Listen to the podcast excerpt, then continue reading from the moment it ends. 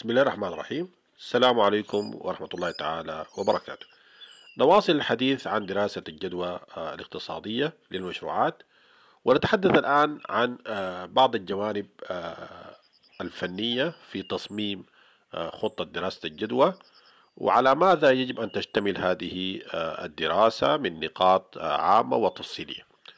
أولا لابد أن نقول أنه لا يوجد شكل واحد وقالب واحد لتصميم دراسات الجدوى أو وضع دراسات الجدوى وإعدادها وإنما هناك عدة أشكال وعدة مدارس في آه، وضع هذه الخطط وأقسام هذه الخطط ومحتويات هذه آه، الخطط. ولكن آه، هناك عناصر مشتركة بشكل عام. دراسة الجدوى تركز على الجدوى الاقتصادية والجدوى الربحية. وتركز كذلك على دراسات الجدوى الفنية والاجتماعية والمالية والبيئية. هذه عناصر عامة تركز عليها كل دراسات الجدوى وبعض دراسات الجدوى تدمج ما بين الجدوى الاقتصادية والجدوى المالية وبعضها يدمج ما بين دراسة الجدوى الاجتماعية والبيئية وما إلى ذلك. كل هذه تعتبر آه، صحيحة وليس هناك قالب موحد ولكن هناك قالب أفضل. فعليك أن تختار القالب الذي يتناسب مع آه، طبيعة المشروع الذي تعمل عليه. آه، دراسة الجدوى يجب أن تشتمل آه، على التالي. أولا الجدوى المالية والاقتصادية للمشروع كذلك التمويل والموارد المادية والبشرية المطلوبة كذلك لابد أن تشتمل على الخطوة التنفيذية لبداية المشروع. هذه هي النقاط أساسية لابد أن تشتمل عليها دراسة الجدوى. نعيدها مرة أخرى. يجب أن تشتمل على الجدوى المالية والاقتصادية للمشروع أي تشتمل على بيانات ومعلومات في هذا الجانب. كذلك لابد أن تشتمل على آه، موضوع التمويل والموارد المادية والبشرية المطلوبة. وكذلك لابد أن تكون مصحوبة بخطة تنفيذية لبدء آه، المشروع أي جدولة واضحة لبداية ونهاية تنفيذ هذا آه، المشروع. وبالتالي لابد أن نركز على عناصر أساسية في هذه الفكرة التي تخص التخطيط لهذه الدراسة. ومن هذه النقاط دراسة الجدوى المبدئية وهي دراسة آه، سابقة توضع بشكل عام آه، لكي توضح الفكرة العامة للمشروع للأشخاص الممولين أو الشركاء. ودراسة الجدوى المبدئية لا تزيد عن صفحتين أو ثلاث صفحات مسألة بسيطة فيها فكرة المشروع ومدى جدواه وأهدافه وعلى ماذا يريد أن يعمل في تصنيف مجالات المشروعات. كذلك يمكن أن تكون هناك بعد ذلك دراسة الجدوى التفصيلية للربحية التجارية. وهذه أيضا مهمة جدا جدا. لابد أن تكون هي بعد دراسة الجدوى المبدئية. في دراسة الجدوى التفصيلية يعني تظهر لنا نقاط متنوعة مثل أهداف المشروع وفكرة المشروع والتقييم المالي والاقتصادي لتقدير الربحية التجارية لهذا المشروع وكذلك الفائدة التي تعود على الاقتصاد القومي من جراء تنفيذ آه، المشروعات. كما تحدثنا أن المؤسسات التمويل آه، في السودان أو في كل العالم تميل للمشروعات التي آه، يعني لها فائدة تعود على الاقتصاد القومي. بمعنى أن هذا المشروع سوف يكون إضافة للسوق للاقتصاد. سوف يوظف عدد من العاطلين عن العمل. سوف يضيف إضافة للطاقة النظيفة. هذه المشروعات عندما تكون بها هذه الصفات تشجع الممولين للمساهمة في هذه المشروعات لأنها آه، تعتبر مشروعات مميزة مميزة يمكن أن تضيف آه، للبلد الذي يقوم فيه هذا المشروع. نأتي الآن للحديث عن تحديد فكرة المشروع وهو واحد من أهم العناصر الرئيسية في دراسة الجدوى. نحن الآن بدأنا آه، النقاش حول آه، دراسة الجدوى عنصرا عنصرا. العنصر الأول هو تحديد فكرة المشروع.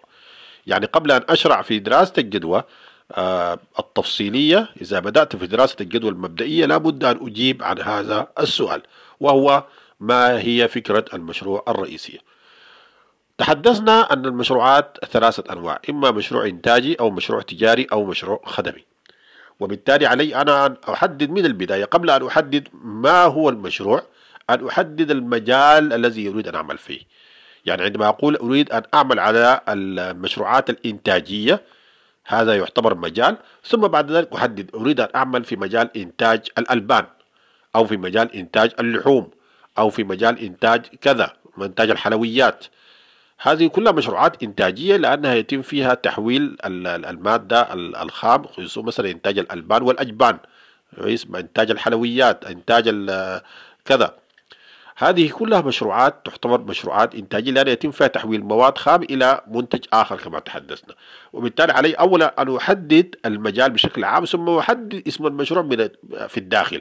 فأنا أقول أريد أن أعمل في مجال المشروعات الإنتاجية اسم المشروع مجال إنتاج آه، الحلويات الشرقية. مثلا كويس اللي هو مشروع إنتاج الحلويات الشرقية في مجال المشروعات الإنتاجية. كذلك مثلا إذا أريد أن أعمل في مجال آه، المشروعات الخدمية. أنا أقول أريد أن أعمل في مجال المشروعات أو في المجال الخدمي. وأسمي المشروع مثلا مشروع آه، خدمة توصيل الطعام ديليفري خدمة توصيل الطعام من المطاعم. أو خدمة نقل الركاب. وبالتالي أنا أسمي آه، المجال بشكل عام ثم أذهب إلى تسمية المشروع الذي أريد أن أعمل عليه. كذلك أريد أن أعمل مثلا في المجال التجاري. أريد أن أعمل في المجال التجاري. اسم المشروع مشروع بيع ملابس الأطفال. مشروع بيع ملابس الأطفال. أو بيع مثلا الملابس النسائية أو بيع الملابس الرجالية. إذا هذه مسميات المشروعات. هذه مسألة تعتبر أساسية ومهمة جدا في التفكير في فكرة المشروع لأن هذا يعتبر التفكير منظم والتفكير المنظم يقودك إلى تحديد هدف المشروع بشكل صحيح. هل أنت تريد أن أن تقوم بإعادة الإنتاج أو أن تقوم ببيع المنتجات الجاهزة أم تقوم بأداء خدمات؟ هذا يؤثر جدا في تصور طبيعة المشروع وتصور تمويل هذا المشروع وتصور تسويق منتجات وخدمات هذا المشروع وهذا هو الأهم. لأن موضوع التسويق يؤثر جدا عليه تصورك لطبيعة هذا آه، المشروع. وبالتالي آه، بعد أن حددت الفكرة سوف تذهب إلى تحديد أهداف المشروع. هذه هي المرحلة الثانية من الدراسة المبدئية. سوف تذهب إلى تحديد أهداف المشروع. تنقسم الأهداف آه، العامة للمشروعات إلى نوعين تبعا لنوع المشروع. مشروعات خاصة ومشروعات عامة. المشروعات الخاصة هي غالبا ما تكون المشروعات الصغيرة أو المتوسطة وهذه مشروعات تكون خاصة بأفراد أو بفرد معين. والمشروعات العامة هي غالبا تكون مشروعات شركات تكون ذات نفع عام ويكون فيها استثمار خاص بالمؤسسين أو مشروعات خاصة بالحكومة أو بالدولة. دراسة الجدوى المبدئية آه، هي يعني تتطلب عملية صقل لأفكار المشروع. وبالتالي دراسة الجدوى المبدئية قبل الاستثمار هي تكفي لمجرد بيان مبررات اختيار المشروع وترتيب المشروعات المقترحة. وبالتالي عندما نتحدث عن الأهداف ونتحدث عن فكرة المشروع نحن نتحدث عن عنصر مهم جدا في دراسة الجدوى المبدئية. قبل أن نذهب إلى الدراسة التفصيلية نحن نريد أن نتحدث عن آه، الجوانب العامة التي تؤدي لعدم تحمل نفقات كبيرة في أشياء لا جدوى منها. كما ذكرت آه، في بداية حديثي أن دراسة الجدوى إذا كان لها من فائدة ليس لها من فائدة إلا أنها توضح لك أن هذا المشروع هل هو مشروع يستحق أن تبذل من أجله الوقت والجهد والمال أم لا؟ لكفى يعني لو أحطتك أو ودتك سؤال أو ودتك إجابة فقط عن هذا السؤال فهذا يكفي. نتحدث الآن عن دراسة الجدوى المبدئية. دراسة الجدوى المبدئية تتجه إلى توضيح المعلومات التالية. أولا مدى الحاجة إلى منتجات المشروع وهذا يتطلب وصف للسوق بمعنى تقدير الاستهلاك الحالي واتجاهاته والأسعار السائدة وأذواق المستهلكين وما إلى ذلك. بمعنى أنه يجب أن تدرس في دراسة الجدوى المبدئية. بعد أن حددت الفكرة والله أنا أريد مثلا أن أبيع آه، مثلا منتجات أو ملابس الأطفال.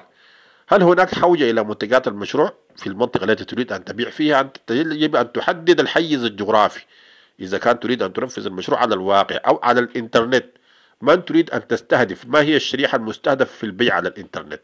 وبالتالي تحديد الشريحة المستهدفة أو تحديد الخارطة البيع أو الحيز الجغرافي للبيع ندرس فيه مدى الحوجة إلى منتجات هذا المشروع الذي مثلا مثلا أعطينا هو مثلا مشروع ملابس الأطفال. هل هناك حوجة؟ أما هناك سوق قريب يبيع ملابس الأطفال ويمكن أن يهدد مشروعك مثلا أو أن هناك منافسين كثر من حولك. يجب أن تكون هناك إجابات واضحة. وهذا يتطلب وصف للسوق بمعنى أن أصف السوق الذي أريد, أن أبيع فيه. آه عدد ال ال ال ال الأشخاص الذين يعملون منافسين أماكن أماكن توزيعهم. آه عدد الأطفال. أنا هل هل هناك حقيقة يعني مثلا إذا شخص يريد أن يبيع ملابس أطفال هل هناك في المنطقة فعلا أطفال كثر يمكن أن يبيع لهم؟ أم أن محبته للأطفال هو هي التي دفعته لكي يتاجر في هذا الجانب يعني؟ يجب أن تكون هناك موضوعية في هذه الأمور يعني. آه، نقدر الاستهلاك هل هناك أشخاص سوف يشتروا هذه السلعة أو يشتروا مني هذه الخدمة أم لا؟